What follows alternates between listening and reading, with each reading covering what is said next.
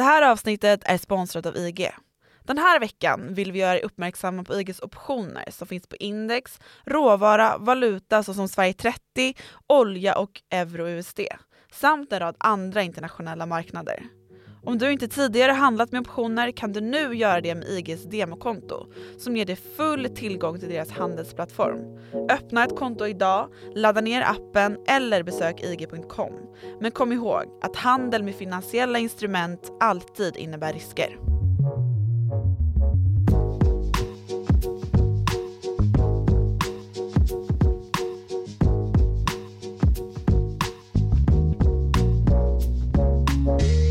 En nyupptäckt virusmutation B11529 slog i fredags klorna i nyhetsflödet och orsakade skräck och vanmakt i samhällen och finansmarknader. Oljepriserna rasade och börshandlare flydde från alla sorters risktillgångar och när röken väl lagt sig tävlade analytiker och strateger om att förutsäga vad som väntar och när finansmarknaderna kan känna fast mark under fötterna igen. Till och med oljekartellen OPEC plus agerade på det nya viruset och senare lade produktionsbeslut för att den här gången agera utifrån fakta och hindra en kollaps lik den under våren 2020 när pandemin bröt ut. Vilket kanske kunde få tjäna som en termometer på hur marknadens oro skulle komma att hanteras framåt. Hur skiljer sig egentligen tillvägagångssätten nu jämfört med i pandemins intåg? Och hur rädda behöver vi vara för virusets åverkan på allt från liv och hälsa till aktieportfölj och plånbok? Det här är Follow the Money, en podcast om makt, storfinans och börsen av och med mig, programledare Martin Nilsson och utrikesredaktör Joakim Brönning med ett extrainsatt omikronavsnitt som börjar med en i många öron nog ganska kontroversiell spaning om att den här virusmutationen skulle kunna vara något positivt. Mm, jag tror vi får börja med att kanske dra lite, lite facts. Ja, men, Vad vet vi hittills egentligen? ungefär inget. Ungefär inget, nej precis. Världshälsoorganisationen WHO har ju då klassat den här som en oroande mutation och det är då en av eh, de här tidigare som vi har haft har ju hetat alfa, beta, gamma och delta. Och nu är vi så långt fram i det grekiska alfabetet att man börjar Att man börjar Stöta. hoppa över vissa bokstäver. ja, och stöta på sådana som man inte är lika bekväm med. Precis. Qi till exempel. Mm. Ja, eh, Xi som namnet Xi Jinping, Kinas president, heter. Eld på konspirationskvarnen. Ja, herregud. Det är ju en, en gammal trätopunkt för många som inte har så mycket till övers för Kina eller WHO då, eh, indirekt till exempel. Ted Cruz, den amerikanske senatorn, republikanske senatorn från Texas, som ju tyckte att det här är ju ett tydligt tecken på att Kina kontrollerar WHO och att WHO går på deras whitewashing teknik då, att Kina egentligen inte är ursprungslandet för covid-19. Ja, det blir ju såklart eh, eld på, eld på kvarnar. Vatten på alla konspirationskvarnar som finns ja. Mm. Men vad har vi nu för, bevis kan vi inte kalla det för än, men, men indikationer i alla fall. Mm. Den här nya mutationen då upptäcktes ju först i södra Afrika, Sydafrika och Botswana är väl de eh, ursprungsländerna då. Och sen så har man hittat fall då över hela världen i princip. Snart kommer det i alla fall vara så. Men de första fallen var Hongkong, Israel, Belgien och nu har vi också Storbritannien, Tyskland, Italien, Tjeckien, Nederländerna och Danmark. Och drygt 100 fall har man kunnat konstatera då fram till och med den 26 november när den här nyheten kommer. Och därefter så har det ju tagit fart ordentligt när man har börjat leta efter den här nya varianten också då.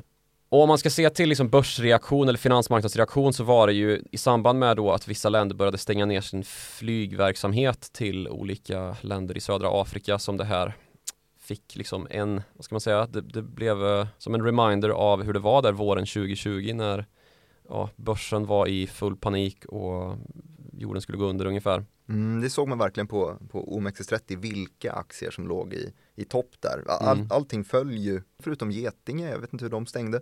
Eh, Men Getinge de tillverkar ju Mm. då eh, respiratorer då till exempel. Men även de här klassiskt defensiva som Tele2 och AstraZeneca, Swedish Match var också ganska högt upp i listan där och i Mm. botten hittar vi istället då industriaktierna och H&M. Mm. Och vi såg ju också oljepriset falla tillbaka på precis samma sätt som det gjorde då under våren 2020. Det var ju till och med en föraning av stundande börskrascher som väntade då. Eftersom att eh, oljepriset är lite mer kopplat till realekonomin kan man väl ändå säga att det är leveranser nästa månad som, som ska prissättas.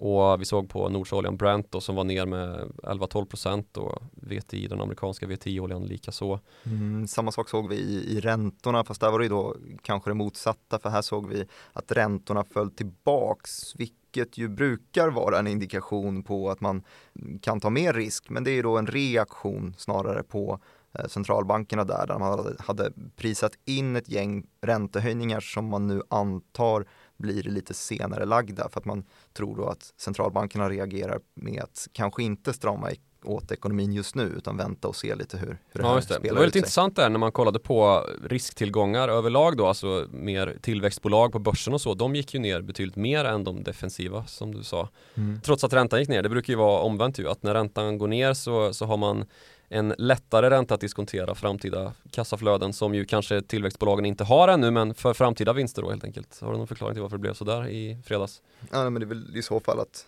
eh, lockdowns är en hårt mycket mer påverkande faktor. Vi såg ju då till exempel när vi snackar tillväxtaktier att Evolution som har fått väldigt mycket stryk, det var också en av de som var högst upp i eh, OMXS30-delen där och det är ju en sån tillväxtaktie som gärna njuter av dels då en eh, lite lägre ränta och då också att man har sett att de har fått lite pandemiskjuts tidigare. De njuter också av att inte bli anmälda till eh, New Jerseys spelmyndighet för att man har eh, Bashar al-Assads familj, alltså Syriens diktator på kundlistan. Nej, det har de inte, taskigt sagt, men eh, de har ju haft lite problem med eh, denna anmälning som ju kanske hade förtjänat ett extra avsnitt i sig om, ja, om alla podd, Ja men verkligen, podd, Evolution är kanske hade varit friska under förra veckan, det var inte jag.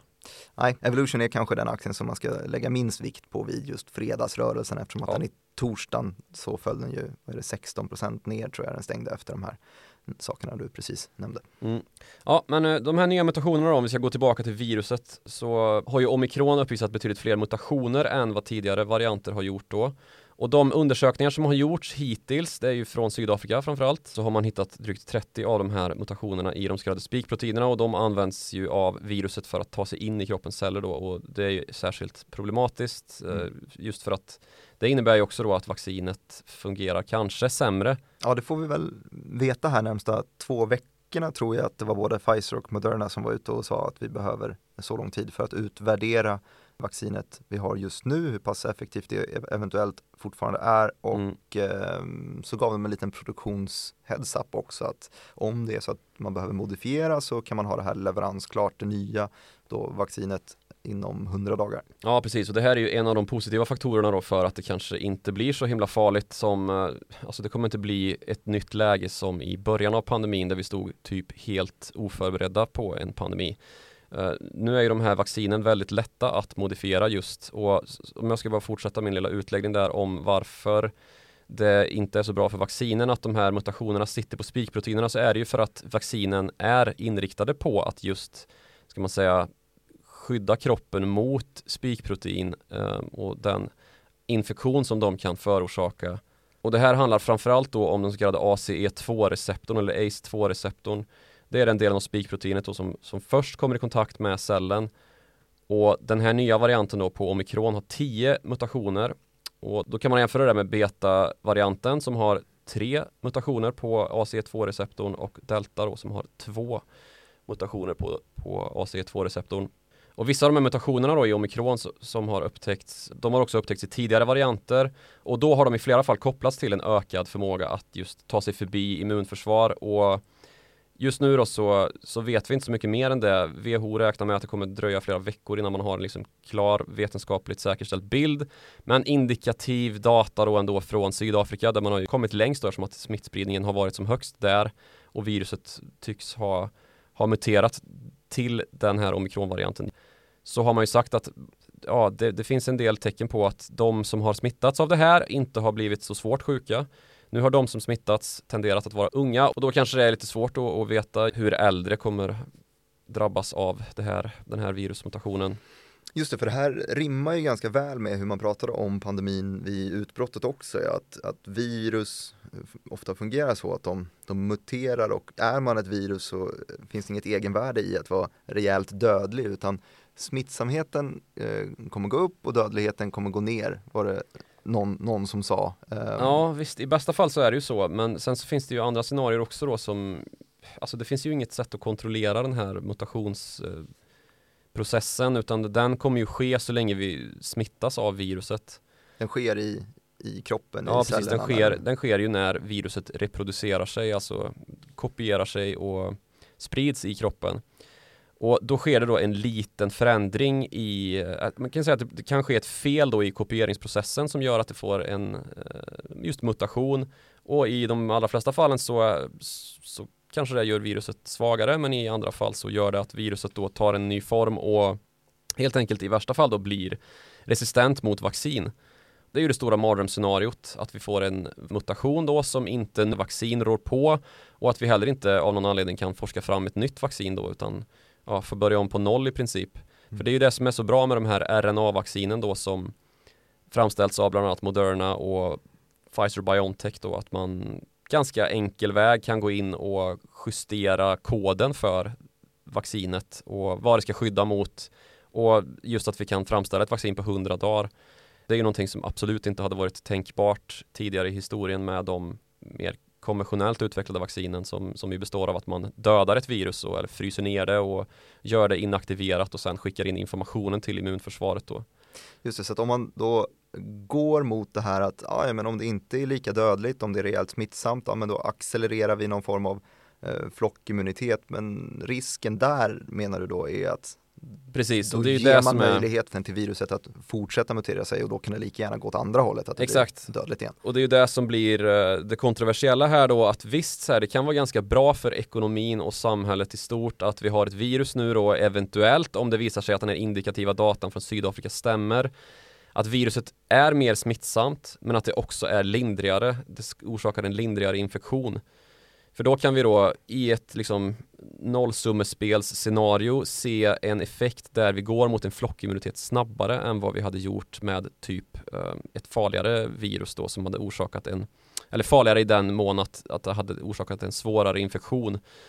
Det är ju det absoluta mardrömsscenariot att vi har ett supersmittsamt virus som dessutom orsakar en mycket svårare infektion än vad tidigare eh, mutationer gör då.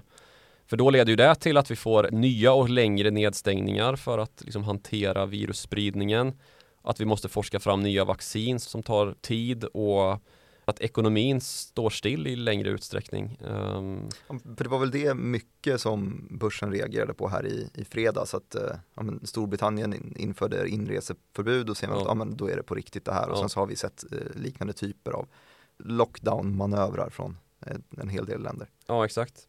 Det är precis det det handlar om. Och som sagt, det allvarliga scenariot är ju också då i förlängningen en, en tung smäll mot, mot tillväxt och att inflationens utsikter blir väldigt tvetydiga. Är du med på vad jag menar då? Du menar typ att eh, vi ser samma problem som vi har sett nu, att vissa varor spikar iväg på grund av till exempel flaskhalsar Precis, med flaskhalsarna blir längre om det bildspråket tillåts.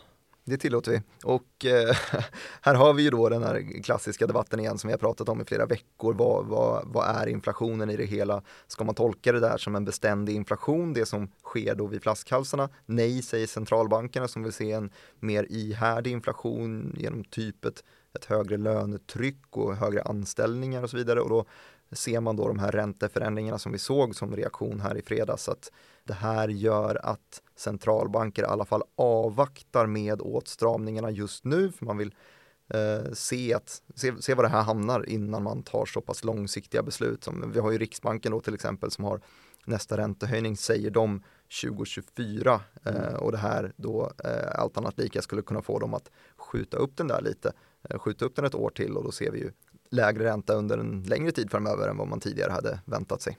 Ja, precis. Och sen så finns det ju de som kanske i fredags då börjar jubla och säga att ja, men det här är ju positivt på lång sikt för då kommer vi få ännu mer support, alltså stimulansåtgärder ifrån centralbankerna och det vet jag fan om jag tror riktigt. Nej, det krävs väl, har vi väl sett att ja, visst gör centralbankspolitiken en stor, stort intryck på ekonomin i sin helhet. Men det vi har sett på senaste har ju varit när man lyckas trycka igenom finanspolitiska stora åtgärder Mm. och där är väl tröskeln ganska mycket högre för att man ska kunna få se någonting sånt. Ja, eh, alltså det scenario som vi stod inför när pandemin kom till oss från början, det var ju att man hade börjat strama åt, höja räntor i USA, man hade skruvat tillbaka QE-stödköpsprogram, alltså obligationsköpsprogram från eh, centralbankens håll då Federal Reserve i USA. Det inte bara pausades ju utan det trycktes ju på mer än någonsin med de eh, penningpolitiska stöden. Man skruvade ju upp alla QE-program över hela världen egentligen och sänkte räntorna på ett liksom chockartat maner just för att supporta ekonomin maximalt då under den chock som, som kom till oss i mars 2020 där. Mm. Det scenariot står vi ju absolut inte i nu. Så om vi ska titta på ett lite mer neutralt scenario då där det kanske blir att ja men det var visst falskt alarm det här då hamnar vi ju kanske då på att omikron sprider sig men att det är långsammare än delta och att det inte har någon signifikant effekt då eh, på tillväxt eller på inflationen heller. Utan att ja, det var en, en liten hiccup som, eh, som kommer blåsa förbi när det visar sig att eh, ja, men delta är ju fortfarande starkare än vad omikron är så att det kommer inte ha någon effekt på det stora hela. Mm. Sen så har vi då det här, ska man säga, lite kontroversiella som vi kallar det, antagandet som vi har skruvat ihop och det är ju då att omikron är mer smittsamt men leder till lättare och mindre allvarlig sjukdom. Och det då, om vi ska titta ekonomiskt, leder ju till en minskad börda för tillväxten. Sett till då att vi når en snabbare normalisering. Inflationen blir i det här scenariot då eh, sannolikt lite lägre utbudet och efterfrågan kan närma sig varann snabbare genom att vi då inte drabbas av, eller att till och med att vi kanske drabbas av mindre och lättare lockdowns på de områden där det blossar upp. På grund av då att sjukdomen i sig är betydligt lindrigare än vad delta har varit då de tidigare varianterna. Så det får man väl bevaka antalet lediga sjukhussängar på eller ja, precis. vad man har för indikatorer. Och det leder ju då till att tillgången på varor och arbetskraft accelererar. Att vi kan vara kvar på jobbet, producera och när vi då når flockimmuniteten snabbare så kan vi jobba vidare på inslagen väg. Vi är ju redan på väg tillbaka mot normalisering om vi tittar på BNP-tal och så här. Um, och det under en period då när vi närmar oss, eller närmar oss är väl för mycket att säga kanske, men om vi tittar på Europa så är det ju flera länder som redan stod i ett ganska jobbigt läge. Österrike har lockdown eh, 20 dagars, Tyskland pratas det om det. Och även i flera av liksom Benelux-länder och um, det är problem med vaccination i vissa länder i världen, ta Afrika till exempel och anledningen till att spridningen är så hög där nere är ju inte längre brist på tillgång till vaccin utan ja, det verkar ju som att antivax-kampanjerna där nere har varit ganska så framgångsrika med att sprida oro och konspirationsteori bland befolkningen. Så det var inte otippat att mutationen Nej, kom därifrån? Nej, det är det ju definitivt inte. Då är Sydafrika dessutom det mest vaccinerade landet söder om Sahara så det finns, där finns det ju väldigt mycket grogrund för mutationer framöver. Mm. Men som sagt då att låta, alltså min tanke gick till när jag gick på dagis och det var vattkoppsparty. Alltså att alla föräldrar ville att deras ungar skulle bli smittade av vattkoppor samtidigt. Så att man slapp det här eländet sen. Det är kanske inte ett liksom, eh, hanteringssätt som man ska förorda då om omikron blir Nej, det har den dominerande... svårt att se att, att stater tar Nej, den. precis. Folkhälsoinstitutet går ut och rekommenderar eh, Framförallt när man, eh, vi får snacka, vi får komma ihåg att det är politik också så att det finns ju en, en, stor vikt att hålla kvar vid den inslagna linjen så att om man plötsligt börjar lämna och prata om flockimmunitet om man som land inte har gått den vägen tidigare utan man har gått den hårda lockdown-vägen tidigare då är det ju svårt att, att lämna den linjen. Ja, absolut. Eh, men sen också då att just problemet är ju att vi har en fortsatt muteringsprocess igång som blir allt snabbare ju fler som är sjuka. Och jag menar omikron kan väl också vidare muteras. Om det visar sig att omikron då är svårare för vaccinen att ta hand om så kan det i liksom en mutationsprocess visa sig att nästa mutation utifrån omikron då är ännu krångligare och um, dessutom då kanske har en högre grad av infektion, alltså svårare symptom så vi vill ju absolut inte att det ska spridas infektion i samhällen och det är anledningen till att vissa länder fortfarande har munskyddskrav och dylikt då så att inte mutationsprocessen hålls igång utan att vi istället satsar på vaccinen och um, får till flockimmunitet och täckning den vägen. Det är ju så vi faktiskt utplånar ett virus. Och nu finns det ju också dessutom då vissa antivirala mediciner som bär med sig lite hopp om att Även om man insjuknar och får lite svårare symptom så ska man kunna räddas då av att eh, inte bara vaccinen finns till hands utan också antivirala läkemedel. Det finns ju flera projekt där som har visat sig få ganska stor framgång både från Merck och från Pfizer. Så, ja. Just då, man är kanske lite bättre rustad i största allmänhet, i alla fall om man ska tro på hur många enheter som till exempel Getinge har sålt sedan pandemiutbrottet. Ja, precis. Ju... Det är ju väldigt värt att väga in det också att vi som sagt då inte står i samma läge som vi gjorde i början av pandemin, det fattar ju alla. Visst att sjukvården har stora problem men vi har i alla fall liksom gått igenom ett scenario där vi faktiskt byggde princip militärsjukhus i Sverige liksom. Ännu mer så i, i stora delar av de allra mest smittdrabbade regionerna och länderna i världen. Så det finns ju en, ett hanteringssätt som nästan går att jämföra nu med hur det såg ut i Taiwan till exempel. Så var det ju många länder där som hyllades för sin snabba reaktionsförmåga, att de hade bara några få fall och där det var liksom undantagstillstånd och snabba åtgärder på en gång för att man är van vid det här med, med väldigt smittsamma virus och vet hur man ska agera. Den beredskapen har ju arbetats upp nu i hela världen egentligen. Eller hela världen är kanske mycket att påstå när det ser ut som det gör i södra Afrika. Men i alla fall på många platser runt om så, så har vi en ö- ett ökat varsel och det här är ju högst på agendan utan tvivel liksom så att det går absolut inte att jämföra det här med mars 2020. Men eh, med de är det tre scenarion du har målat upp här nu. Ett som är kanske det mest kontroversiella att det skulle kunna medföra någonting positivt just då i att flockimmunitet byggs upp givet att det här viruset inte muterar till mm, någonting en hemskt. riskabel, ett sånt, Det är fortfarande ett väldigt riskabelt scenario då men det kan ju leda till att om det här viruset blir dominerande så får vi en lägre intensivvårdsinläggning eftersom att folk inte blir lika sjuka. Vi får en högre smittspridning, en högre immunitet i samhället på grund av att fler har varit sjuka då och har antikroppar. Vi ångar på med vaccintäckningen så att de tidigare varianterna som vi vet att, att vaccinen biter på eh, hålls stången liksom.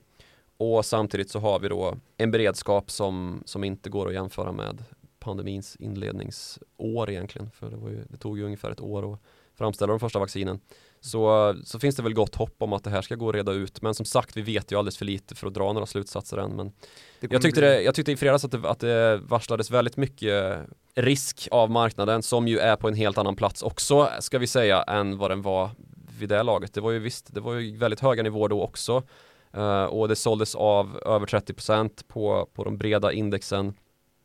Men uh, ja, nu kan man ju verkligen prata fallhöjd om man ska se till, till uh, den tidens narrativ att man brukade påstå att det var ju en konsekvens av de stimulansåtgärder som skett efter finanskrisen. Nu har vi ju dubbla stimulanser om man säger så. Dels efter finanskrisen som pågick i tio år drygt och sen också då de stimulanser som har skett efter pandemin här. Så det finns ju fallhöjd i marknaden så det kanske inte var så mycket att dividera om att, att Stockholmsbörsens storbolagsindex föll med 4% på den här nyheten. Men som sagt det finns mycket att reda ut innan vi kan dra några slutsatser egentligen. Slutsatsen är väl att det kommer vara fortsatt volatilt fram till att vi får nästa riktiga besked och det är väl inom två veckor då? Ja precis och dit så kan det ju gå både uppåt och, och neråt. Um, vi ser ju här på måndagen framförallt en positiv reaktion uppåt. Uh, det ena som sålt av under dagen här är asiatiska börser och de var ner lite mindre på fredagen än vad, vad uh, Europa och USA var så det fanns ju lite fallhöjd där kanske som, som hämtade ikapp neråt om man säger så. Mm. Och um, en positiv reaktion som sagt i, i Europa här under måndags förmiddagen i alla fall.